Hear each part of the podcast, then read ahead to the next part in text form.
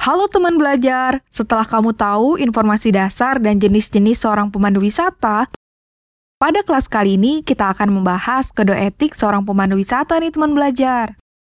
Tentu setiap profesi memiliki kode etik masing-masing ya teman belajar.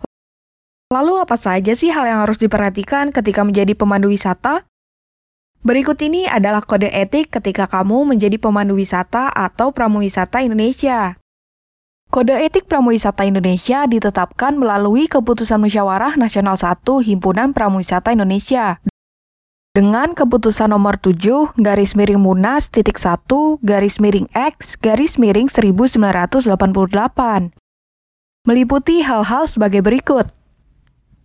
Nomor 1. Pramuwisata harus mampu menciptakan kesan penilaian yang baik atas daerah, negara, bangsa, dan kebudayaan. Nomor 2. Pramuwisata dalam menjalankan tugasnya harus mampu menguasai diri, senang, segar, rapi, bersih, serta berpenampilan yang simpatik, menghindari bau badan, perhiasan, dan parfum yang berlebihan. Nomor 3.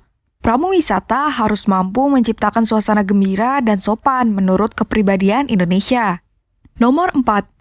Pramuwisata harus mampu memberikan pelayanan dan perlakuan yang sama kepada wisatawan dengan tidak meminta tip, tidak menjajakan barang, dan tidak meminta komisi. Nomor 5. Pramuwisata mampu memahami latar belakang asal-usul wisatawan serta mengupayakan untuk meyakinkan wisatawan agar mematuhi hukum, peraturan, adat kebiasaan yang berlaku dan ikut melestarikan objek. Nomor 6. Pramuwisata mampu menghindari timbulnya pembicaraan serta pendapat yang mengundang perdebatan mengenai kepercayaan, adat istiadat, agama, ras, dan sistem politik sosial negara asal wisatawan. Nomor 7. Pramuwisata berusaha memberikan keterangan yang baik dan benar.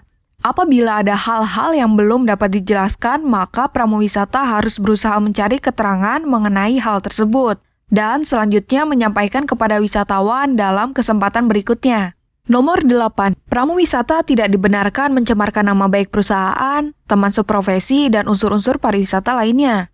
Nomor 9.